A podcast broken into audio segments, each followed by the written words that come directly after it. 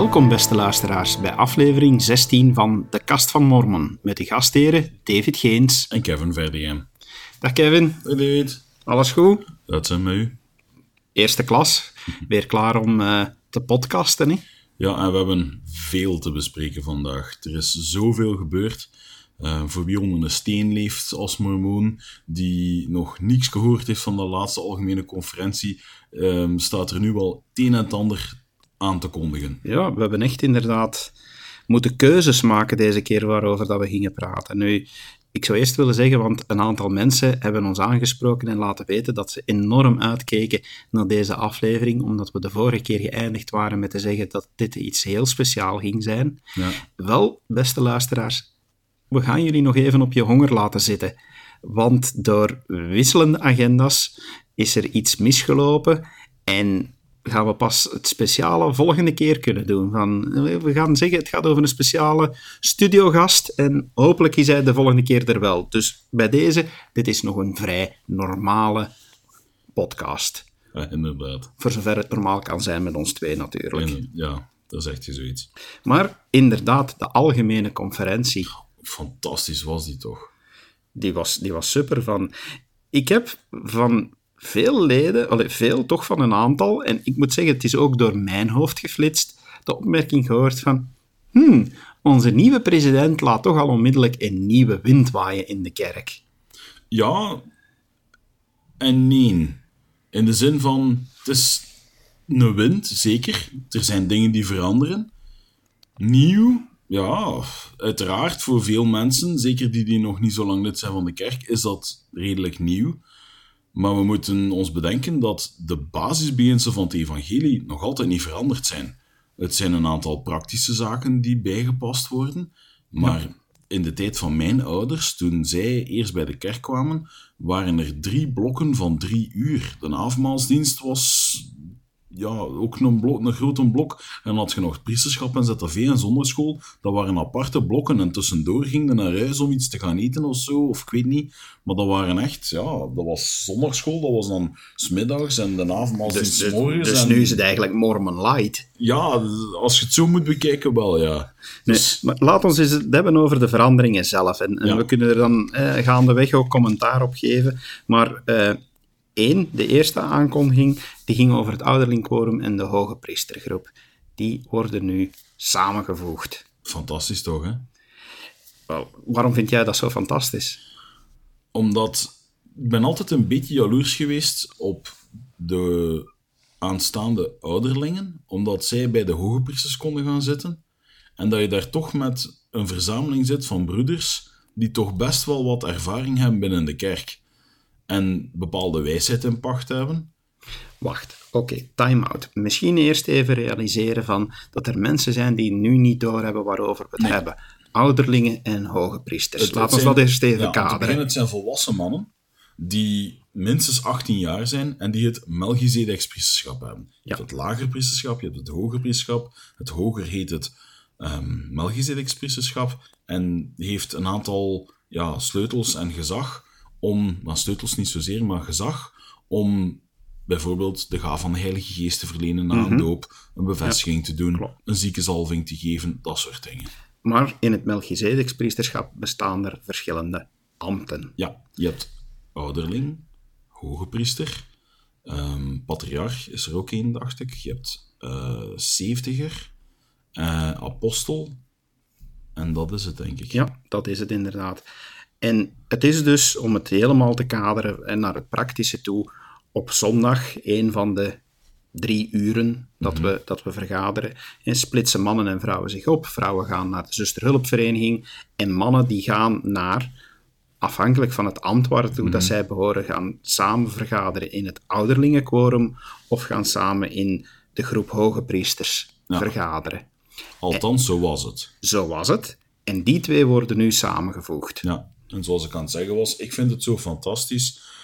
Ja, omdat dat zijn broeders met een, een, een langere tijd gemiddeld in de kerk hebben best wat wijsheid, dingen meegemaakt, hebben vaak in kerkbestuur meegedraaid en hebben inzichten die je als jongere broeder, als ouderling, misschien nog niet hebt. En dan is het zo fijn als je daar samen les mee krijgt om die inzichten te horen en daarvan te kunnen leren. Dus in dat Oké, opzicht was ik maar- altijd een beetje... Ja, ik kan, ik kan je volgen. Maar ik denk dat je het nu toch echt wel ook als een vanuit Europese praktijk beschrijft. Want het is niet zo dat je na x aantal jaar of mits de nodige ervaring hoge priester wordt. Hè, van, Nee, niet automatisch. Niet automatisch, absoluut niet. Ehm, er zijn verschillende redenen waarom dat je hoge priester zou kunnen worden. De meeste zijn omdat je een bepaalde roeping krijgt. Als je als bisschop of als een van de raadgevers in de bisschop dient, dan krijg je het ambt van, eh, dan word je het ambt van ouderling, of, eh, van, in, van in, de hoge hoge, in de Hoge. Raad dus geroepen Of in wordt de. Hoge Raad of, of, in, of in de ring, of het ringpresidium of zo, dan word je inderdaad hoge priester, inderdaad. Maar wat ik bedoel is, en dat zie je heel goed als je dat gaat vergelijken, ik heb er nog eens gaan naar kijken van en met een aantal mensen ook gesproken, hier in Europa heb je relatief meer hoogpriesters dan in Amerika, in Amerikaanse units. En ik zeg wel heel duidelijk relatief. Ten opzichte, als je het in procenten gaat uitdrukken, hebben wij er meestal meer, omdat we nu eenmaal kleinere units hebben. En dus bij gevolg dat, ja, als je een aantal roepingen laat roteren doorheen de tijd, zoals je zegt, er zijn roepingen waarvoor je automatisch hoge priester wordt, ja, dat je er dus relatief gezien, ja, en eenmaal dat je het geroepen bent of dat je aangesteld bent tot dat ambt, blijf je het. Ja. Ook als je nadien dan die roeping niet meer hebt. Dus dat maakt dat relatief gezien hier in onze kleinere units, ja, dat je soms het effect hebt van dat er redelijk veel hoge priesters zijn tegenover ouderlingen. In Amerika daarentegen is dat niet het geval. Vandaar ga je nog altijd zien dat je echt een veel grotere ouderlingenquorum hebt dan dat je een hoge priestergroep hebt. Van, ja, zeker als je in, in de grote aantallen gaat bekijken. Dus in die zin gaan zeggen van ja, het heeft altijd te maken van ja, hoge priesters, meer ervaring, ja en nee. Van, als je kijkt naar het Amerikaans model, daar ga je zeker evenveel ouderlingen hebben die, die eigenlijk, dan ga je ouderlingen hebben die meer ervaring hebben en meer jaren op de teller hebben staan dan hoge priesters. Ja, dat is waar. Maar ja, ik vind, ik, pas op, hè, los daarvan vind ik de samenvoeging, zoals je zegt, vind ik, vind ik een pluspunt. Hè, voornamelijk omdat, ja, Praktisch, hè? ja het, het- praktisch goed, maar het is inderdaad een veel betere mengeling van die ervaring. Hè, van, Zeker hier naar onze lokale units in Nederland en Vlaanderen, ja, dan zien we toch wel dat daar inderdaad het uiteindelijke effect is dat die ervaring veel beter gemengd wordt. Ja, dat is waar. Maar zeker ook praktisch naar wat vroeger. Want ben ik eigenlijk een beetje in het territorium aan het komen van de volgende aankondiging. Wij hadden in onze kerk een systeem van huisonderwijs en huisbezoek, waar dat je, om het heel cru te stellen, probeerde om samen met een collega een gezin of een zuster voor de zusters te gaan bezoeken, minstens één keer per maand en over hen te waken. Dat systeem is nu afgeschaft en in de plaats daarvan hebben we bediening. Ja, maar van, van, ik zou nog, nog eerst heel even willen, willen toch kijken naar, naar, naar, naar, naar het samenvoegen hiervan. Ik heb ook gemerkt dat, dat heel veel mensen, heel veel is misschien ook weer veel gezegd, maar dat er toch heel wat mensen zijn die schrik hebben dat het eigenlijk een, een, een putsch, een takeover is van de hoge priesters. Dat de, dat de ouderlingenquorums nu door de hoge priesters zullen overgenomen worden. Oh. Maar, maar daar is men heel duidelijk in geweest dat dat, dat, dat niet het geval is. Hè. Bijvoorbeeld eh, het presidium.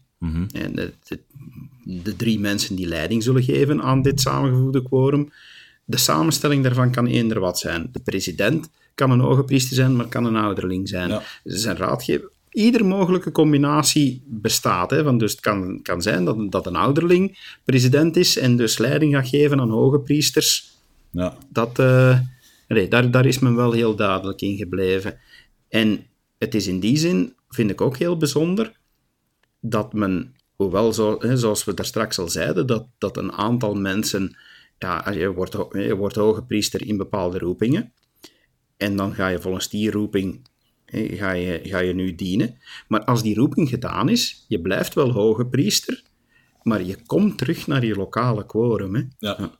En dat is, dat is ook wel, wel heel leuk, zeker toch wederom hier naar onze, naar onze kleinere units hier in Europa, dat die lokale, dat, dat die lokale quorums terug versterkt worden. En dat die, dat niet is van, oeh, één keer weggenomen, je blijft daaruit weg. Hè? Ja.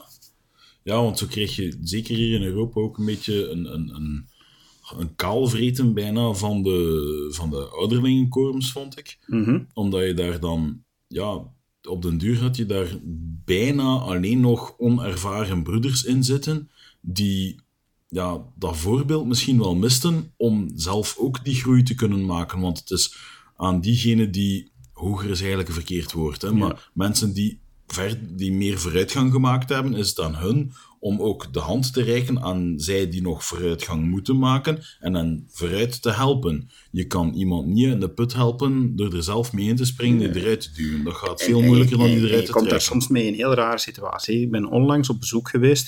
Het was eh, in Zweden, in, in, een, eh, in een wijk eh, die de laatste jaren wat afgekalfd is. en waar men nu het effect had dat een teruggekeerde zendeling, dus echt nog een jonge kerel van 22 jaar, was aangesteld als ouderlingquorumpresident, omdat hij de enige ouderling was. Dat is een probleem. Ja, dus ja, je ziet van ook die situaties bestaan. Dus daar springt men nu een gat in de lucht met de nieuwe regelingen. Dat kan ik me inbeelden, ja. En het heeft inderdaad ook te maken, hè, zoals je zegt, huisonderwijs en huisbezoek zijn afgeschaft. Ja, en het maakt het nu veel eenvoudiger, want vroeger had je aan de ene kant het ouderlingquorumpresidium en de hoge priestergroepleider eh, en zijn raadgevers, die moesten samen het huisonderwijs gaan bekijken. Maar er werd dan te weinig correlatie gedaan naar de ZAV toe. Ja. Het, is, het, is, het, is- het was niet makkelijk om dat allemaal georganiseerd te krijgen en echt te kunnen focussen op de gezinnen. Ehm, recent is ook de aanpassing geweest dat het eerste presidium geen ehm, eerste presidium boodschap meer in de Leahona zet. Nee, maar oké, dat kan je nu heel goed kaderen. Dat, Dat was, kan- dat was eigenlijk een schot voor de boeg. Dat was een schot voor de boeg, inderdaad. Daar wou ik naartoe toe komen. Het mag duidelijk zijn, het is met het nieuwe systeem van bediening niet meer de bedoeling dat je daar gewoon langs gaat, een boodschapje geeft, vraagt, is er iets wat we voor u kunnen doen, en vertrekken. Ja, want oké, om weer, wederom om het te kaderen, huisonderwijs, het woord klinkt ook heel strikt van, Ja. van wat het inhoudt. Je had inderdaad de, de verplichting eigenlijk ja, om, om langs te gaan bij de gezinnen die aan je toegewezen waren en om daar dat lesje te geven. Maar het effect daarvan was wel, ja, je komt natuurlijk ook bij gezinnen die zelf minder actief zijn of waar, waar om door omstandigheden men, men zelf niet actief aan, huison, aan huisonderwijs doet. Ja. Maar je komt ook bij gezinnen waar dat wel het geval was. En dan zit je met het rare effect dat je zegt van ja, ik kom hier nu een les geven die dat min of meer kant en klaar in ons tijdschrift staat, in de Liahona. Ja. En nu moet ik die les geven aan iemand die ze waarschijnlijk ook al twee, drie keren heeft gegeven deze maand. Wat kan ik hier nu nog vertellen dat, eh, dat, dat nieuw is? Van... Ik, vond, Ja. ik vond het soms een beetje een, een moeilijke Maakt- situatie. ik, ik beeld me dan altijd in wat dan met de huisonderwijzers van, de, van het lid van het eerste presidium die die boodschap geschreven heeft. Hoe moet je iemand de les gaan geven over een boodschap die die persoon zelf geschreven heeft? Dat is, ja, dat is ergens bijna absurd. Maar het wordt nu vervangen door bediening. Ja. En- Ministering in het Engels. Ministering. Ik vind het woord bediening en woord ministering, ministering dekt de lading in het Engels toch meer, naar mijn gevoel, dan bediening. Maar ja, ik snap wat het je het is het woord dat er toch het dichtste bij ligt.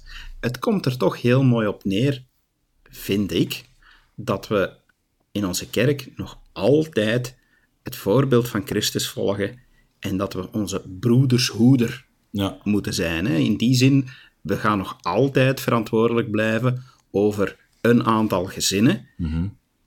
En dat betekent gewoonweg dat we veel meer kijken van wat heeft dat gezin nodig? Hoe kunnen we die helpen? En dat is de enige richtlijn die nu nog overschiet. Hè? Wat moeten we doen om, om een gezin te steunen en te helpen? Soms zal dat betekenen van daar met een bepaalde boodschap langs gaan. Maar dat kan even goed betekenen van... Ik heb een prachtige meme gezien hè, van, van een, een- iemand die dol enthousiast zo een hele stapel eh, spelletjes eh, vast heeft. En, en, die, en met een heel erg blij gezicht. En dan staat er van... The joy when you realized that eh, game evening is... Game night, ja. Game night is now also ministering. Ja, schitterend. Je hebt hem, je hebt hem ook wel gezien, Ik heb denk hem ik. gepost, ja. Ja. Van, ik, vind hem, ik vind hem schitterend, inderdaad. Want dat laat heel goed zien, want dat kan ook perfect zijn. Hè? Plus, ik vind het ook heel mooi dat men heel duidelijk heeft gezegd van maak ook gebruik van alle mogelijkheden die er zijn. Ja. Ja, van, we leven nu in andere tijden. Van, oké, eh, gezinnen ondersteunen kan ook zijn door die eens af en toe een berichtje te sturen. Een WhatsAppje of, of, of op Ja. Facebook. Of van, het is niet meer van daar langs te gaan en gewoonweg droogweg die, die les af te rammelen. Hè. Het zal meer inspanning vragen, volgens mij. Absoluut, maar het zal meer voor kwaliteit zorgen, denk ik. Als het goed gedaan wordt, zal het meer kwaliteitsvol zijn. En, en nuttiger. nuttiger zeker. Kwaliteitsvoller zal afhangen van hoe de mensen het gaan invullen. Hè. Voor, voor sommige mensen gaat dit moeilijk worden. Hè. Ja, ik kan, ik kan me inbeelden, want men, er zijn nu mensen die misschien denken van, ja, maar ja, van huisonderwijs, dat heeft nu zo lang bestaan, eh, dat wordt nu vervangen. Sommige mensen hebben het altijd moeilijk met verandering, maar daar, daar kom ik zo dadelijk nog op. Maar ja, het was ook makkelijk, hè, van dat lesje, oké, dat voorbereiden, daar een vijftal punten uithalen, daarover praten. Nu ga je veel meer moeten, moeten rekenen op inspiratie en, en, en veel interactiever zijn met de, met de mensen waar, dat je, waar, dat je gaat, waar je op bezoek gaat of waarmee dat je omgaat. Absoluut. Maar ja, ik vind, ik vind het echt... Ja, het is, het is echt duidelijk een- een volgende stap hè, in, als, als heilige de een laatste dagen. hogere wet zien. Ja, Waar dat huisonderwijs meer een praktische wet was, zoals dat er aan de Joden ook gegeven was, zoals een praktische wet met duidelijke regels en veel regels.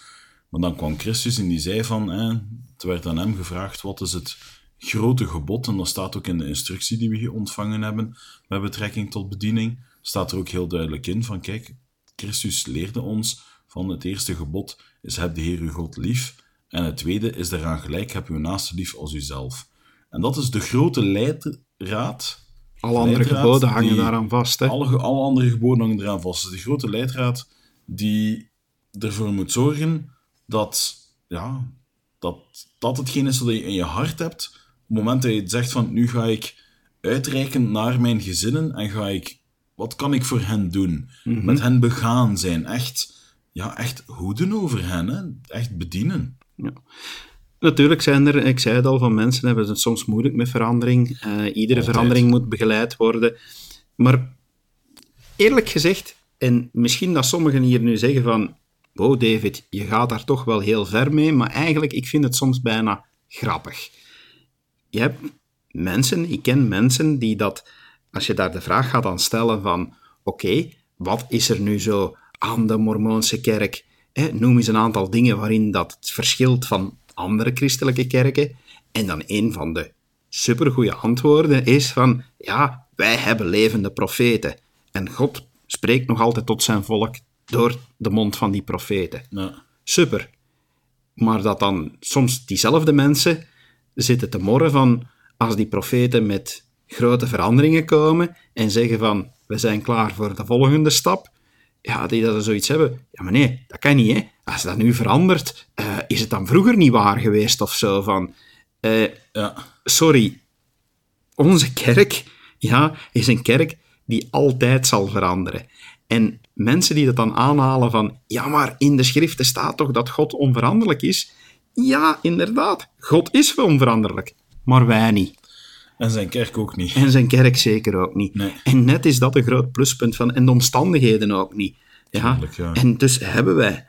Waarom zouden we anders levende profeten hebben als het nooit zou Je hebt, veranderen? er, je hebt er een blog over geschreven, als ik me niet vergis. En daar haal je ook de vergelijking aan van...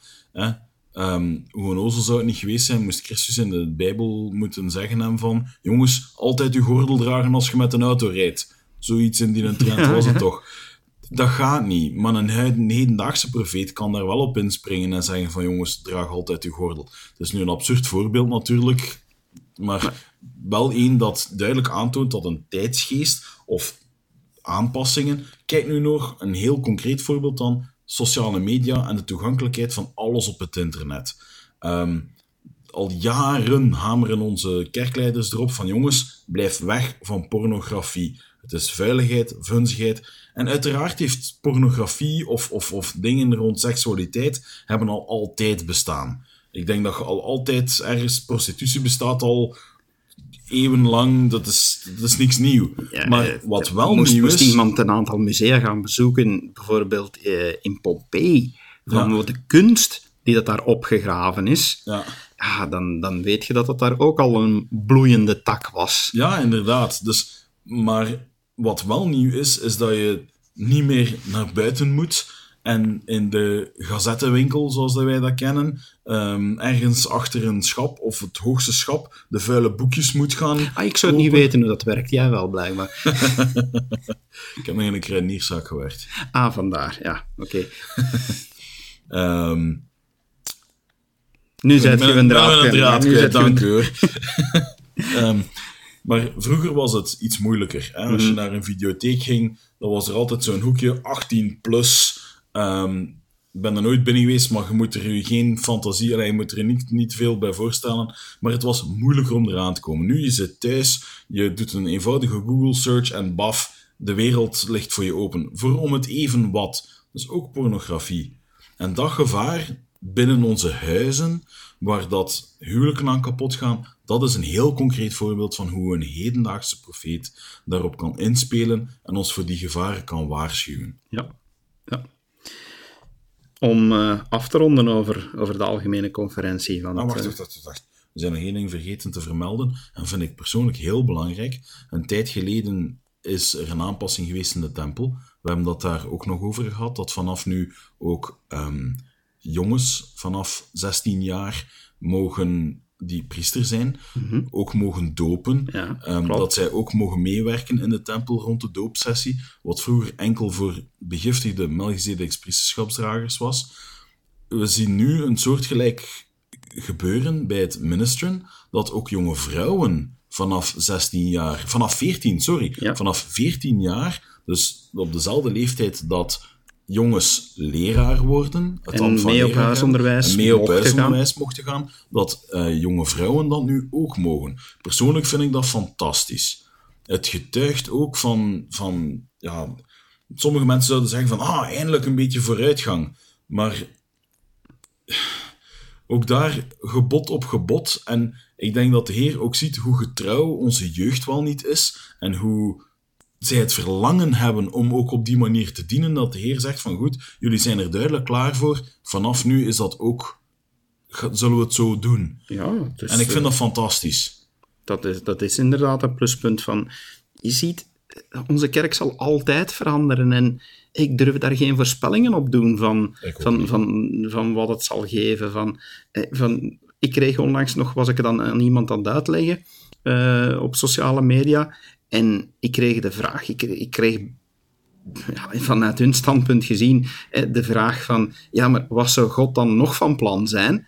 En ik heb daar gewoon mee op geantwoord van, ja, sorry, moest ik dat weten, dan had ik nu al de, de taak van profeet. Ja. En, en die heb ik duidelijk niet. Dus nee, dat, dat was ook het enige wat ik er kon op antwoorden. Maar ik weet wel één ding, zal verandering komen. Maar sommige dingen blijven hetzelfde. In de zin van, we hebben ook twee nieuwe apostelen. Er zijn sinds de laatste algemene conferentie, is niet alleen president Monson overleden, er was nog een andere apostel die Ja. vlak voor David B. heet. Nee?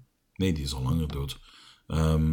Goh, ik kan nu niet op zijn naam komen. Ja, het ontsnapt me nu ook even van. Maar goed, die is, eh, in, ik geloof, tijdens de laatste sessie van de algemene conferentie is ook te komen overlijden. Dus we hebben echt zes maanden lang ehm, een periode gehad waar dat minstens één en daarna ook twee apostelen minder waren in het koren van de twaalf apostelen. Dus we zien daar dat onveranderlijk daar toch weer nieuwe apostelen bij komen. En, en, en, en, en, en daar ben ik echt wel blij om. Ja, men mag daar zeggen van wat men wil en, en wat ook de redenen mogen zijn. Maar, ja, Elder Gong en Elder Solaris, Aziatisch-Amerikaans en Latijn-Amerikaans. Ja, Ik vind, ik vind het super. Het is een opmerking die, die al in het verleden gegeven is van ja, de leiding van de kerk, hè, toch nogal wel wittekes. eh, eh, nogal wittekes, hè, de, de white man from Utah. Het is aan het veranderen. Hè. Je ziet, je ziet ah, ook daar weer een verandering, dat onze kerk echt een wereldkerk Ja. aan het worden is, of zelfs al voor een groot stuk is. Hè. Daar hebben we het in een vorige podcast natuurlijk ook over gehad, dat we zeiden van ja, Hè? Waarom zie je dat daar minder? Ja, dat is heel duidelijk. Hè? Omdat bepaalde gebieden in de wereld, dat duurt even tegen dat die ja, ehm, zo gegroeid zijn in kerk en weet ik nog allemaal veel, voordat dat daar mensen rijp genoeg zijn om zo'n roeping aan te kunnen, op geestelijk vlak dan. Ehm, de meeste van de apostelen waren mensen wier ouders nog ja, pioniers, niet hun ouders, maar hun over-overgrootouders, nog met de handkar Amerika doorgetrokken zijn. Ja, hè. maar niet als vereiste, hè, want we hebben momenteel ook Nee, apostelen. We hebben niet. zelfs apostelen die bekeerling zijn. Hè? Ja, Dus, eh, dus ja, dat, dat vind ik nu niet van. Hoe. Quizvraag. Snelle quizvraag. Hoeveel nieuwe tempels zijn er aangekondigd tijdens deze algemene conferentie? Niet spieken. zeven. Juist. En wat een ongelooflijk nieuws dat het was, dat zowel in India, wat al heel speciaal is, die andere locaties zijn ook speciaal, maar in India, waar dan mensen naar Hongkong moesten reizen om daar hun tempelverbonden te kunnen afsluiten, komt er nu één in India, ik dacht in Bangladesh, ben niet zeker. Eh ben, Bengaluru. Ah, Bangalore, ja. Ehm, en, heel speciaal, mijn vrouw is van Russische afkomst. Er gaat eindelijk, eindelijk, eindelijk in Rusland een tempel komen. We weten nog niet waar, hè? Dat, dat, dat- Nee, dat een major city yet to be um, disclosed. Ja, dat wel- of announced was het. Ja, van, Maar ongelooflijk. Ik denk, nou ja, de, de- de, de spanning. Ik, ik verdenk eigenlijk ehm, president Nelson van een Apple-fanboy te zijn. one Want- more thing. One more thing. One more thing. Volgens mij heeft hij naar de keynote zitten kijken. En daar hebben ze altijd zo dat spectaculaire op het einde. Ah, en one more thing. En dan droppen ze daar een, een spreekwoordelijke bom. En hier was het ook zo van. En dan helemaal op het laatste van. Baf, een tempel in Rusland. De zaal ging bijna. Allee, naar Mormoonse termen ging de zaal uit zijn dak. Ehm, want op een gegeven moment, ik vond het zo grappig om onze president in de zaal waren ze aan het lachen, want dat ook Layton, Utah aangekondigd. Hij kondigt er eerst een aantal aan, overal in de wereld. Dan zo, Layton, Utah. En iedereen moet zo lachen. En ja, mensen blijven lachen. En je ziet onze pre- president ook zelf in de lach schieten. En zo op zijn lip bijten ze van... "Eh, ik mag niet meelachen. Ik moet hem toch een beetje serieus houden. Ik vond het hilarisch. En dan zo India en dan baf, Rusland. Ehm, wat een zegen, Ja, wat een zegen. zegen. Toen me nog aan, aan iets denken van wat dat ik ook zal onthouden van deze conferentie is inderdaad ja, de eerste conferentie met, met onze nieuwe president, onze Ja. nieuwe profeet, die dan ook plechtig ondersteund is samen met de eerste president. Maar dat je toch ziet van 93 jaar is, hè? Ja, je zou het echt niet zeggen, hè? Ah, man, jongens, van, ik, ik ga nooit het beeld vergeten dat ja, iedereen recht staat, van, voordat je het natuurlijk op het scherm kan zien. Van, in de zaal ziet men heel duidelijk van, dat dus eh, de president eh, de zaal betreedt. En dan ziet je hem dat podium opgaan en op een gegeven moment ziet hem zo eens omkijken, zo van... Allee, waar blijven mijn twee raadgevers? Zo van, allee jongens, kom aan, tempo, tempo. En, en er is ook een allusie op gemaakt, hè, van, van Ja. een van zijn raadgevers heeft, heeft, toch de, heeft toch gezegd van ja, een van onze voornaamste bezorgdheden met onze nieuwe profeet is dat we hem proberen van de latten te houden. ja, Die gaat dus nog altijd skiën, hè? met zijn familie, ja. Er, bestaan beelden waar dat hij op zijn hoge leeftijd nog op een schommel zit. En zijn front porch. Ehm, ik weet niet hoe je een porch in het Nederlands moet Ja, zeggen. eh, Ehm, maar, maar ja, schitterend, hè? dat is, want, er wordt altijd gezegd, ja, het zijn toch altijd oude mannen, maar eh den deze, ja, om het zo eens te zeggen, niet onderschatten, denk ik. Nee. Want eh, die, gaat, die gaat er inderdaad eh, zijn leeftijd eh, niet laten merken. Goed, dat genoeg over de algemene conferentie, want in ons enthousiasme kunnen blijven doorgaan. Eh, we hebben natuurlijk ook het internet altijd in de gaten gehouden om te kijken of dat er interessante dingen verschijnen. En jij had iets gevonden over Ja. E.T. Wat Ja. heeft E.T. met mormonen te maken? Extraterrestrial. Is God een alien? Om het zo op zijn platgens te zeggen. Een alien. Een alien. Een alien. En, wat, i- i- is hij het? Een beetje wel, hè? Een beetje wel in de zin van extraterrestrial, al zijnde niet op deze aarde wonend. Er heeft nog nooit een astronaut daar in de ruimte naar beneden gekeken en God op een wolk zien zitten. Ja? Dus we weten dat, als we de schriften erbij nemen, en ik ga het even doen, ehm, dan leren we hè, ehm, dat ehm, er ontelbare werelden geschapen geweest zijn. Mhm. Schapen gevormd eigenlijk, want het is niet zo van knip en er is daar een wereld. Ehm, niets verschijnt uit het niets. Het is wel degelijk materie die al aanwezig was, energie, en wordt samengebracht. Maar er zijn ontelbare werelden geschapen geweest, waar dat ook kinderen van onze hemelse vader zitten. Ehm, Dus er zijn planeten met nog mensen op. ja, ja ik, voor mij is er geen twijfel dat er buitenaards leven bestaat. Of dat het in onze buurt ligt, dat weet ik niet. Dat weet ik echt niet. Ehm, of dat dat ergens binnen ja, zichtsafstand zit, of dat ze er met een telescoop al een planeet gepasseerd zijn waar dat leven op zit, ik weet het niet. Maar we weten wel uit de schriften dat God vele werelden geschapen heeft. En dat het proces dat wij doormaken, dat dat ook op andere werelden gebeurt. En dat dat voorheen ook al gebeurd is. Dat ook onze hemels kan, kan erover blijven Ja, doorgaan. van, eh, bij mij gaat het er nu bij deze weer een vraagje bij op me. Ik heb zo een lijstje dat zo van vragen die ik eens aan God wil stellen. Zo Ja. van, van, als ik hem eens een dag tegenkom, zo van, nummer 43 wordt nu van, ja, maar ja, is Jezus daar dan ook langs geweest of niet? Van, zeg, vertel dat eens allemaal. Van, Wie zal het zeggen? Wie zal het zeggen? God. Ja, ja. Allee, dat hoop ik toch. Of dat, dat, Dat dat, ik hem, toch, dat, dat, ja. dat hem niet zegt van, hey, snotneus, van, dat zullen we nog wel eens te weten komen. Van. Ongetwijfeld wel, maar dat zal hem waarschijnlijk niet zeggen omdat hij van u houdt. Dat weet ik van. Het, is, het, is, het is wel interessant. Van. is Is, is, is, daar, is, is daar voor de rest eigenlijk meer over geweten? Zijn er profeten die daar al dingen over gezegd hebben? Ehm, Heb je daar iets van gevonden in je research? Ik ben nu even aan het kijken, maar ja, Jozef Smit heeft natuurlijk wel gezegd van, hè, dat ehm, God zelf was zoals wij nu zijn, ehm, een, een verheven man is hè, ehm, en zit op zijn, zijn troon in yonder heavens, hè, in de, de hemelen. Maar hij zegt ook van, moest de spreekwoordelijke sluier die over ons verstand zit, waardoor dat wij die geestelijke zaken niet kunnen zien, moest die ineens in twee kunnen gescheurd worden, dan zou je God zien zitten als een man. Met armen, benen, een hoofd, oren, een neus, een mond, ehm, ogen. Ja, je zou hem daar zien, zien kunnen zitten. Ehm, we, we weten veel over de aard van God, in die zin.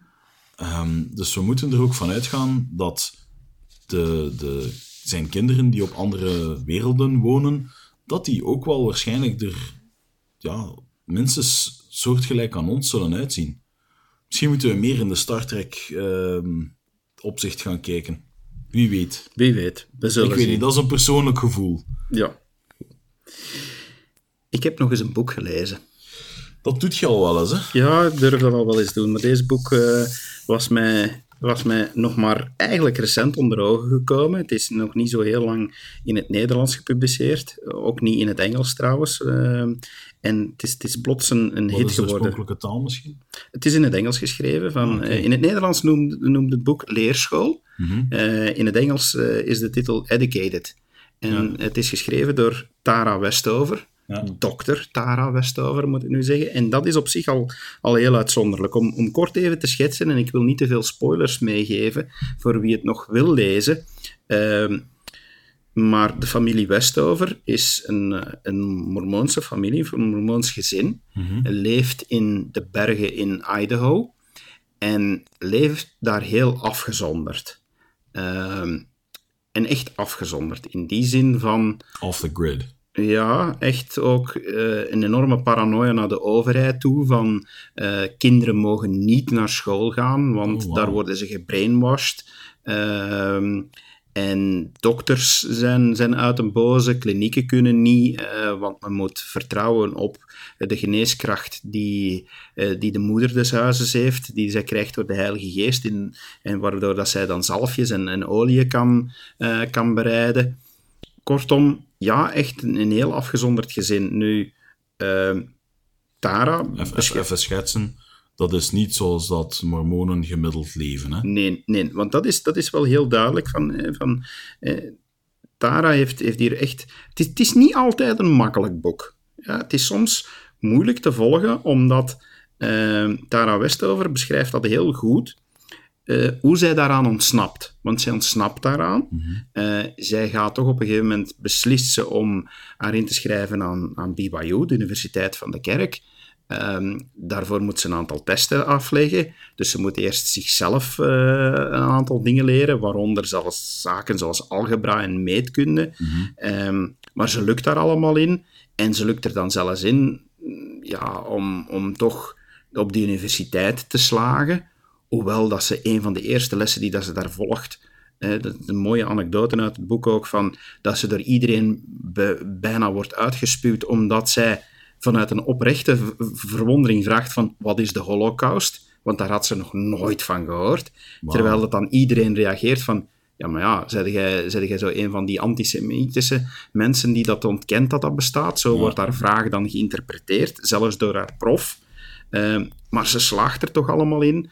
Ehm, ze slaagt er ook in eh, om, om verder te studeren. Ze gaat op uitwisseling in Cambridge eh, uiteindelijk. Onder de begeleiding van de prof die haar daar begeleidt, eh, lukt ze er zelfs in om de kans te krijgen om een PhD, een doctoraat, eh, te gaan doen in het prestigieuze Harvard. Ehm, lukt ze allemaal in, maar waar gaat het boek eigenlijk over? Dat is, en dat zegt ze heel duidelijk, ik ben het op het spoor gekomen, omdat ze is blijkbaar recent in Nederland geweest, eh, Dr. Westover, om haar boek in het, eh, het niet Nederlands beschikbaar is te promoten. Dat was door de uitgeverij. En ik heb in een aantal krantenartikels, en daarmee was ik het op sporen gekomen, ja, die begonnen met ex-mormoon getuigt over haar vrede jeugd, of van die titels en zo. Ja. En terwijl ze zelf heel duidelijk, het boek begint met een disclaimer dat het geen afrekening is. Ja. Niet met het mormonisme, niet met eender welke religie, ook niet met haar ouders. Eh, en dat is wel heel mooi dat ze, dat, dat ze daar ook een heel duidelijk standpunt in neemt. Ja, zij is inmiddels geen mormoonse meer. Met alles wat ze meegemaakt heeft, want het boek gaat ook over, over eh, de mishandeling die ze meemaakt thuis. Ehm, ze beseft in haar latere studies, eh, leert ze dingen waardoor dat ze beseft van hé, mijn vader heeft meer dan waarschijnlijk een bipolaire stoornis. En dat is eigenlijk de oorzaak. Haar broer heeft dat waarschijnlijk ook. En in ene moment wacht hem zijn leven om, om haar te beschermen. En het andere moment misbruikt hij haar en, en mishandelt hij haar. Dus Ja. ze heeft echt geen makkelijke jeugd. En het is, het is op zich een fantastisch boek dat laat zien... Zij is enorm loyaal aan haar familie. Zelfs als ze al afgestudeerd is, ja, gaat ze nog terug naar huis. En haar Was vader zegt... nog welkom? Ja, ja, maar op een manier wel, wel heel goed dat je, dat je dat eigenlijk vraagt. Want haar vader zegt van, kijk, jij bent een vrouw.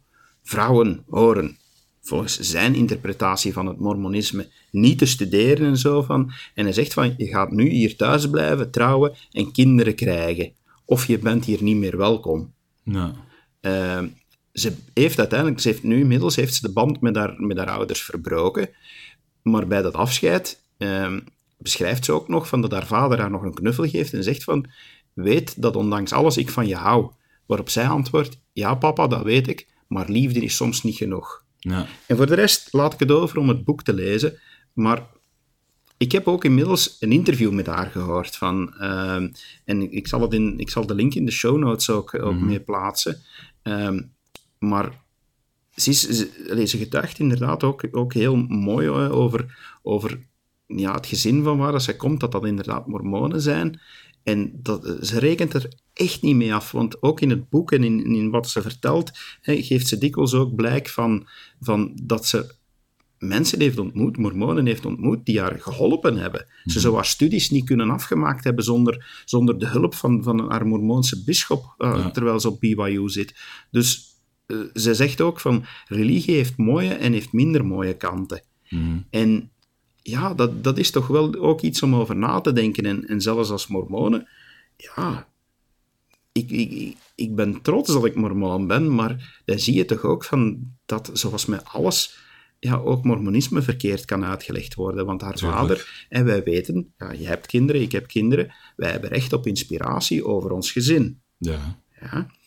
Maar haar vader ja, gaat daar zo ver in dat hij zegt van kijk, ik heb inspiratie gekregen, ik heb visioenen gekregen, dat ik mijn kinderen niet naar school mag sturen, dat dokters uit de boze zijn. Ja. eh, dat Dingen we, die duidelijk contrair zijn tegen de leer van de kerk. ja, die, die ook duidelijk zeggen van, kijk, ja, eh, hier gebeuren dingen in dit gezin, wat dat je broer heeft gedaan. Hij is eigenlijk het slachtoffer en we moeten hem beschermen.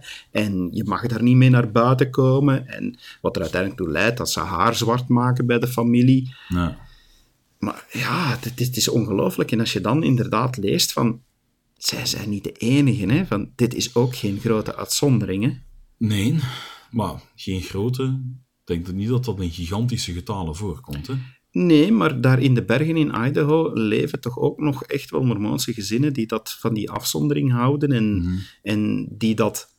En het is te begrijpen, hè, vanuit de cultuur van de vervolging die Mormonen hebben gekend, kan ik begrijpen dat mensen ja, die dat daar afstammen van pioniers een wantrouwen hebben tegenover de overheid. Maar daar dan zo ver in gaan om te zeggen van, jongens, van, hier worden, van, dat, in het boek staan er ook zulke beschrijvingen van, van een familielid die, die zwanger is en dan bevalt eh, van, van, van een baby van 26 weken en er mag niet mee naar het ziekenhuis gegaan worden met alle gevolgen van dien Ja.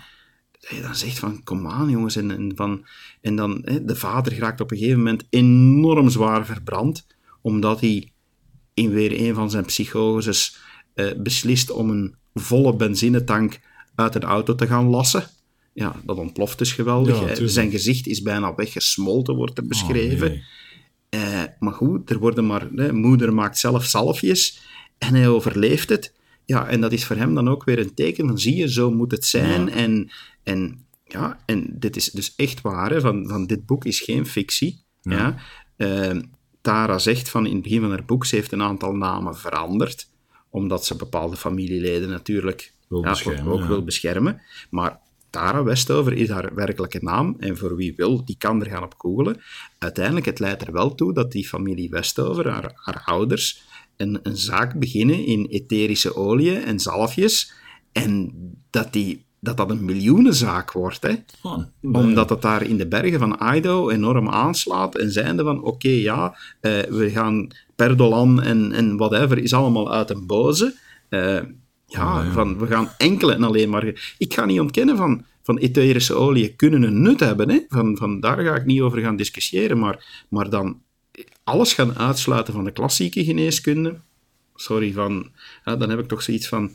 Mensen, jullie hebben toch wel, Hmm. denk ik, verkeerd begrepen waarover dat gaat. Van, denk ik toch ook. het, het zet enorm aan het denken, het, het boek van eh, de interviews ook. Van, van, ik zal een aantal links in de show notes platen, eh, plaatsen over eh, een interview, onder andere, die de Standaard met daar heeft gedaan. Ja, weet je, ik kan begrijpen dat ze geen mormoon meer is. Maar wat dat zij meegemaakt heeft. Ja, je zou het voor minder. Ja, maar, maar, maar ook van, van, ja, zij zegt duidelijk van, ja, is die iedere familie een secte? En, en, eh, maar maar ze, ze is zo volwassen en, en ja, dit is echt, het is, het is, het is een boek dat je, dat je zeker moet, dat je, dat je zeker moet, allee, als je dit, dit jaar een boek leest, dan zou ik toch dit aanraden. Ik denk niet dat ik dit jaar nog een boek ga tegenkomen waar ik zo van onder de indruk ben als, als, leer. Ja, van, hé, je moet je eens voorstellen van, van wat het toch maar betekent als, als, als religie gebruikt wordt om, om je kinderen van school te houden. Zou, Ja. je, zou je, zo- ja, kunt jij je dat inbeelden, Kevin? Nee. Kan, maar, ik kan me niet inbeelden dat ik, dat, dat ik zo'n beslissing zou maken. Maar ik kan me wel inbeelden dat er mensen zijn die zoiets hebben van, ja, we gaan dat niet doen. Ik kan mij dat inbeelden dat er inderdaad mensen zijn die die beslissing maken, maar ik kan mij niet inbeelden dat ik ze persoonlijk zou maken. Ja. Hij heeft, heeft echt van, ja, als je dat, dat ook van, er zitten verhalen in van dat hij haar van, van ballet haalt, eh, omdat ze een, een, een tutu aan heeft. Ja. En eh, dat hij zegt van ja, eh, dat hij haar uitscheldt voor. Nee, dat is haar broer, dat is niet haar vader, dacht ik. Van, dat is haar broer die haar dan uitscheldt voor hoer. En, en, en Ja. ja, dit is. Ja, dit, dit zet enorm aan het denken. En dit is ongelooflijk van, van hoe zij toch. ja, zo ver is gekomen van je moet het dan maar doen hè, om te doctoreren in, in, in de geschiedschrijving. Ja, dat zal. Het is... eh, maar, maar, maar, en dat, vind, dat blijf ik herhalen van, eh, en dat wil ik ook eens heel duidelijk stellen, van wie het boek leest en oprecht leest, ja, en, en ook die interviews me daar leest of, of beluistert, ik vind het spijtig dat er weer een aantal kranten opgesprongen zijn als zijnde van die ex-mormonen en mormonen, die ja. mormonen. En ja, ook, ook het interview voelt je een paar keer dat ze daar naar gestuurd wordt. En ze staat zo sterk in haar schoenen dat ze zegt van, sorry jongens, van, ja, ik kan even, even goed mooie dingen vertellen over het mormonisme Mhm. als slechte dingen. En Ik denk dat je het over elke godsdienst wel kunt zeggen. Goede en slechte dingen. uiteraard, van, maar t- voor sommige mensen zal dit misschien schrikken zijn, hè, van we zitten hier altijd zo enthousiast over ons geloof te vertellen. Ehm, ja, dat we nu ook eens durven zeggen van, ja, sorry jongens, van... Hè, er, er zijn hier en daar ook wel kantjes aan die dat, eh, Ja, die dat minder dat fraai zijn. extreme, hè, ja. Je gaat altijd individuen hebben die iets te letterlijk nemen, die iets te ver doorduwen. Je gaat er altijd tegenkomen. Maar dat strookt niet met de kerkleer. Ik zeg niet dat we allemaal hè, één grote grijze massa moeten zijn. Uiteraard mag daar kleur in zitten. Dat maakt, de, dat maakt de samenleving ook zo mooi. Maar het is iets anders als je echt kei zwart of kei wit gaat denken. Dan ben je gewoon fout bezig. Ja, inderdaad. Eh, en ja, je, je kan dan de vraag gaan stellen van, moet de overheid daar gaan op ingrijpen? Is, hey, ook, ook, daarvan, ook daar is dit boek een aanzet toe om, om eens Ja. goed over na te denken. Hè? Van, van, hè, los van religie, wanneer moet een overheid ingrijpen in, in een gezinsleven? Van, wat gaat te ver van... eh, Maar ik, ik maak me altijd de bedenking van hè, tot hoe ver moet vrijheid gaan totdat het een ander schaadt. Als je zegt van hè, mijn vrijheid, als ik mijn vrijheid gebruik om nu door een rood licht te rijden, bij wijze van spreken, ja, dan, loopt, dan wordt het, is er een reëel risico dat er een ongeluk van gebeurt en dat er doden bij zijn. Dus daarom grijpt de wet in en zegt die van nee, je mag niet door rood licht rijden. Daarom zijn er regels, zijn er wetten om dat te handhaven. Je zou hier kunnen stellen van goed, kijk, het, het feit dat iemand bepaalde medische dingen ontzegd worden, moet je daar het individu niet gaan beschermen. Ook van zichzelf. Ehm, zij vermoedt nu dat haar vader en waarschijnlijk haar broer ook bipolair waren. Moet, iem- moet zo iemand beschermd worden tegen zichzelf? Misschien dat die persoon met goede medicatie ja, een, een heel ander denkbeeld zou hebben, omdat dat juist zo vervormd wordt door die ziekte. Ja, ja. Ik, eh, ik, ik wil het onderwerp afsluiten met iets. eh, Ik wil een stukje voorlezen van, van wat dat zij zelf zegt, omdat nogmaals, ja, eh, mensen die geïnteresseerd zijn in een boek eh, dat een afrekening is met godsdienst, die gaan het niet vinden. En ehm, zij heeft hier het volgende in een interview gezegd. De vraag was: U begint uw boek met de disclaimer dat het geen afrekening is met religie. En haar antwoord is het volgende omdat religieus radicalisme en survivalism voor mij slechts het decor zijn van het verhaal.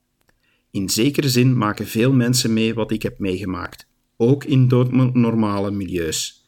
En ach, het is ook wel omdat ik nogal wat tantes en neven en nichten heb die mainstream mormonen zijn en ik niet alle bruggen wil opblazen.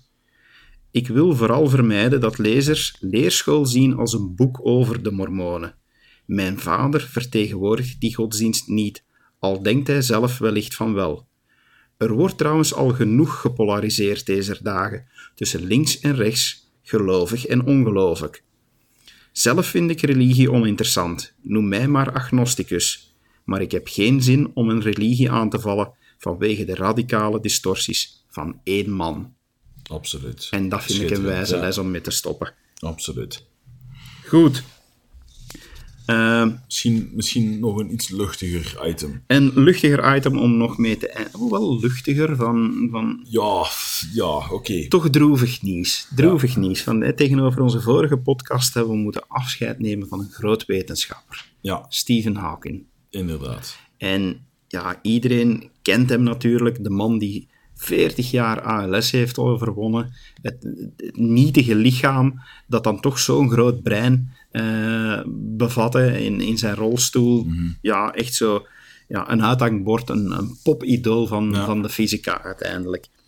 Maar waar ik eens wou blijven bij stilstaan, is dat Stephen Hawking was nog bezig aan een werk uh, toen hij overleden was. En je weet, Kevin, het is een van mijn uh, stokpaardjes om te zeggen dat wetenschap en religie twee visies, twee vensters op dezelfde waarheid zijn. Daar deel ik uw mening volkomen in. En ik vind het dan altijd zo heerlijk als wetenschap met iets komt dat voor mij die stelling bevestigt. En ik vind het driedubbel heerlijk dat ik deze keer zoiets gevonden heb van Stephen Hawking. Ik vind het heerlijk omdat het van Stephen Hawking komt, omdat hij voor mij als wetenschapper een enorm ja, idool was. Mhm. Ja, ik keek daar naar op, van die man heeft echt wel baanbrekend werk gedaan. Sommigen noemen hem de Einstein van Zijn eh, generatie. van zijn generatie. Hij zelf was daar veel bescheidener over. Ja. Maar ik vind het ook fantastisch, omdat Stephen Hawking zelf een enorme atheïst was. Ja. En zelfs een activistische atheïst. Van, was iemand die van de strekking was van, er bestaat geen God, en dat is mijn geloof, maar ik moet daar ook anderen van overtuigen. Ja. Want wie wel gelooft, is eigenlijk een idioot. Ja. En dat hij dan nu met iets komt van dat in de wetenschapswereld toch wel opmerkelijk is, en voor ons als mormonen niet. Zijnde, zijn laatste werk voorspelt onder andere dat ons bestaan eindig is, omdat, ja, en dat weten we al lang, hè, van, van velen zullen nu zeggen, ja, maar ja, dat weten we al lang, van die zon gaat ooit ontploffen en zo, Ja. dat is niet nieuw in wetenschappelijke wereld. Nee, maar zijn reden daarvoor is anders. Hij, hij gaat terug op een van de dingen waar hij enorm mee vertrouwd was, zijnde de oerknal. En hij zegt, hij heeft wiskundig aangetoond dat die oerknal niet de enige oerknal is. Dat de ene oerknal ook zorgt voor een andere oerknal. En dat er dus meerdere universums zijn. Maar die universums zijn ook de reden waarom dat universums soms eindigen met te zijn. Omdat van de een naar het andere overgaat. Ja. Ja, en dan zeg ik van, duh, als mormonen weten we dat al lang, van, van dat, er, dat er een transitie is, dat wij, dat wij eeuwig bestaan als, als wezens, als intelligenties. En, uh, van, ja, maar dat we hier op aarde zijn om te leren, dat dat ooit allemaal gaat voltooid zijn. Dat Ja. op een gegeven moment is de laatste mens geboren Ja. en dan gaan er een aantal zaken veranderen. En als je wil weten wat er verandert, contacteer ons. Dan komen we eens langs met de zendelingen. Maar ja, dat het dan ook allemaal eindigt van... Ik wil er niet te diep op, op, op ingaan allemaal, maar, maar het was echt zo van... Als ik het las, als ik de samenvatting las, dan had ik zoiets van echt van... Ja, het, klopt toch weer met, met eigenlijk openbaringen die dat wij al alweer meer dan 100 jaar kennen en weten van... Dus ja, van, dankjewel Stephen Hawking. Van, en, en ik hoop echt dan, je, zal zelf, je hebt zelf altijd gedacht dat het, dat het op een dag voor jou eindigde. Maar ik hoop dat je inmiddels gezien hebt dat je op dit punt toch mis was en dat je eh, nu ergens bent en dat je, dat je ziet van, hmm, ik ga nog heel veel kunnen leren. Ik, ik, ik troost me met de gedachte dat hij nu pijnvrij is. Dat hij verlost is van zijn aards lichaam, dat hem toch zo lang zo beperkt heeft. Ehm, en dat hij nu ja, terug vrijelijk met zijn geesteslichaam kan bewegen. Ja, Dat is fantastisch. en dat vind ik een mooie afsluiter. Absoluut. Heel veel stof dat we besproken hebben vandaag. Veel stof tot nadenken. Veel stof tot nadenken. Dit was echt, eh, wow. Ja, het was een heavy podcast. ja. En de volgende zal nog wow zijn. Ja, als onze studiogast er geraakt. Ja, ja, ja. laat ons hopen dat deze keer eh, niet weerhouden geraakt. Eh, het, zal, eh, het zal ook over zeer interessante onderwerpen gaan de volgende Absoluut. keer. Goed. Beste luisteraars, hopelijk hebben jullie er ook van genoten. En eh, zien we jullie binnenkort, of ja, zien misschien minder, maar eh, mogen we jullie toch weer toespreken tijdens onze volgende podcast. Tot de volgende keer. Dag. Dag.